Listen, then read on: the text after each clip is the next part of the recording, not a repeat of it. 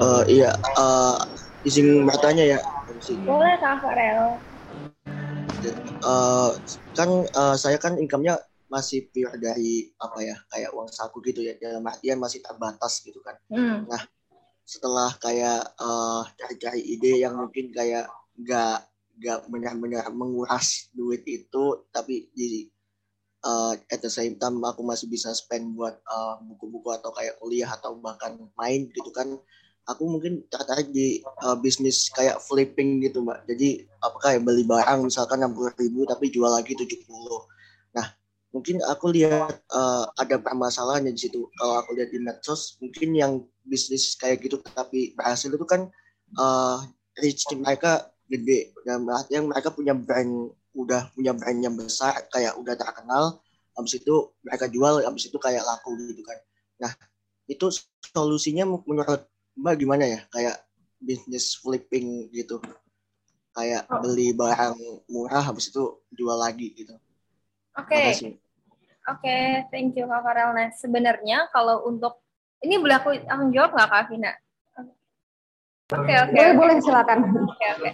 Jadi sebenarnya untuk sistem bisnis yang seperti tadi itu nggak masalah karena itu menjadi salah satu uh, langkah untuk kita bisa minimalisir uh, cost kita di awal gitu kan. Tapi kuncinya kalau misalnya kita membeli barang yang lebih murah, kita menjual lebih mahal, otomatis dari kita juga perlu mempertimbangkan ya apa yang bikin orang mau beli kayak gitu. Jangan sampai mungkin tadi uh, dari Kak Farel tuh punya nih supplier yang memang uh, atau mungkin um, yang dengan harga yang lebih murah kayak gitu. Tapi ketika kita menjual lebih mahal lagi gitu, itu perlu adanya mungkin kalau aku uh, bisa men menyarankan gitu kan itu perlu adanya servis-servis tambahan yang perlu dari Kak Farel sendiri berikan gitu. Nah, tapi untuk mencari uh, dengan harga yang murah tadi itu kan bukan uh, bukan semua orang bisa kan. Kita dari cover juga perlu mengantisipasi uh, kalau ada orang-orang yang kan nggak cuma satu orang doang yang menemukan hal itu dan juga menjual itu tadi perlu adanya mungkin dari cover juga menemukan kolaborator kolaborator kolaborator partner kayak gitu. Jadi kalau bisa dibilang kalau tadi memang nggak banyak uh, cost yang pengen dikeluarin dengan hal yang itu tadi itu tidak akan menjadi masalah gitu tapi ya tadi kuncinya kalau memang kita ingin menjalankan itu dan menjadi pilihan gitu kan nah itu perlu adanya uh,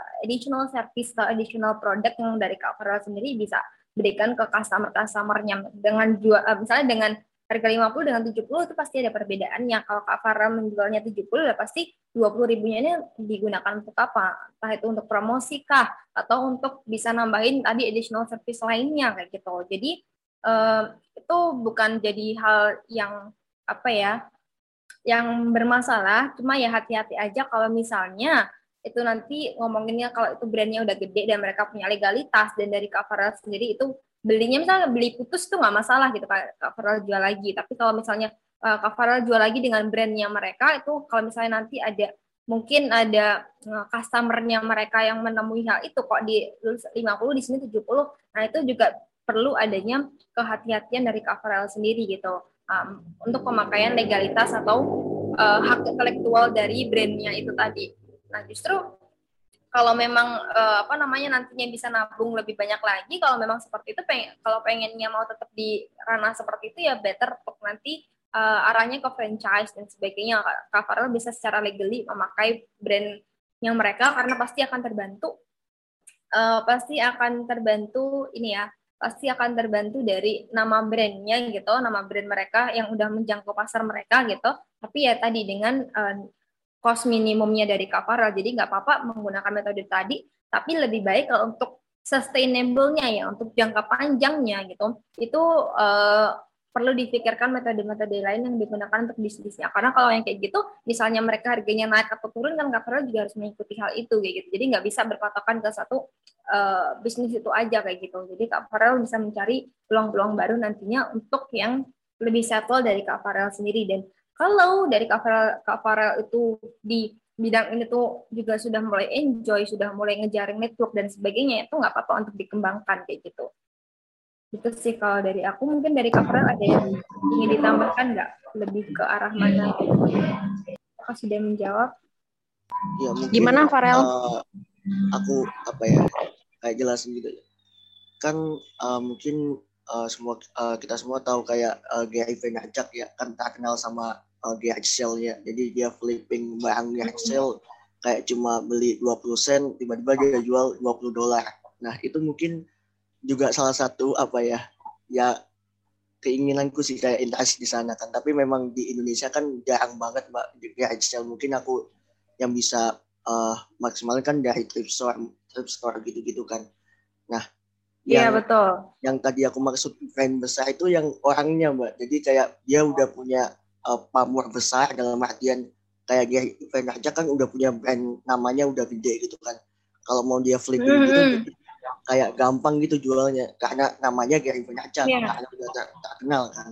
Nah itu masalah kayak yang kita yang nggak punya nama segitu tapi mau jalan bisnis yang sama itu gimana uh, kayak mengovercome okay. disparitas itu itu sih mbak. Oke okay. oke okay, oke okay. ini sebenarnya lebih dari ini aja ya bagaimana bisnis kita bisa bisa bersaing dengan nama-nama yang udah gede gitu. Ini sebenarnya pertanyaannya juga sama kalau misalnya kita sederhanakan dengan gimana misalnya kita sama-sama punya produk uh, apa ya produk hmm, ayam lah ayam geprek gitu kan sekarang banyak banget ya. Gimana kalau yang kita nggak punya nama ini terus bersaing dengan mungkin yang udah gede kayak ayam geprek bensu dan sebagainya. Sama ini kayak flipping ini kan sebenarnya lebih ke arah ini ya yang untuk properti yang setra gitu ya Mas uh, Farel gitu. Nah ini sebenarnya bisa kita atasi dengan adanya peningkatan brand awareness tadi. Makanya kenapa kita perlu ada uh, investasi uh, bukan investasi ya sebutannya. Kita perlu menyisikan untuk konten-konten uh, yang kita bisa uh, kembangkan gitu untuk mempromosikan produk kita dan kita bisa ngejarin kolaborasi yang lebih gede.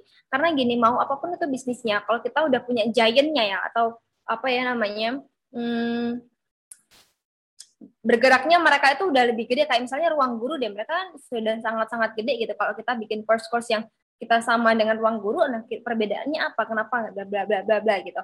Nah ini kan sebenarnya PR-nya untuk kita ngebangun nama ini kalau misalnya dari kita sendiri belum belum bisa bersaing secara signifikan kita tuh bisa uh, mencari celah-celah opportunity yang dari si brand gede itu tadi itu belum punya kayak gitu. Dan kita bisa miliki itu atau mungkin yang tadi yang aku bilang additional service yang bisa kita berikan perbedaannya apa sama mereka kayak gitu. Itu yang perlu dari cover juga cari tuh. Uh, kalau di model bisnis itu tadi pasti kan ada terms and conditionnya ya pasti ada syarat ketentuan yang perlu uh, dipenuhi dan sebagainya nah caranya kalau memang nggak bisa bersaing sama mereka ya jadi partnernya mereka kayak gitu bagaimana caranya gitu itu yang perlu dari Kak Farel pelajari dari mungkin yang udah uh, sukses-sukses di bidang tersebut tapi bukan orang yang dengan brand gede tadi. Bagaimana caranya kalau kita memang tidak bisa berkompetisi ya jadiin mereka untuk uh, partner berkolaborasi. Nah, bagaimana caranya? Nah, itu dari Kak Farel pelajarinya itu dari uh, experience-experience yang ada di bidang tersebut dengan orang-orang yang lain yang mungkin juga merasakan keresahan yang sama di sini gitu. Nah, kalau memang ini bisnisnya itu hari coverall yakin ini akan bisa long term dan sustainable-nya gitu. Ya ini perlu didalami dari segala aspeknya Kak Farel karena uh, dari satu bisnis dengan bisnis lainnya kan pasti dari ketentuannya itu juga akan bergeraknya itu berbeda-beda kayak gitu. Untuk membangun nama itu memang membutuhkan waktu kalau memang dari awal kita nggak punya network yang kuat tadi kayak gitu.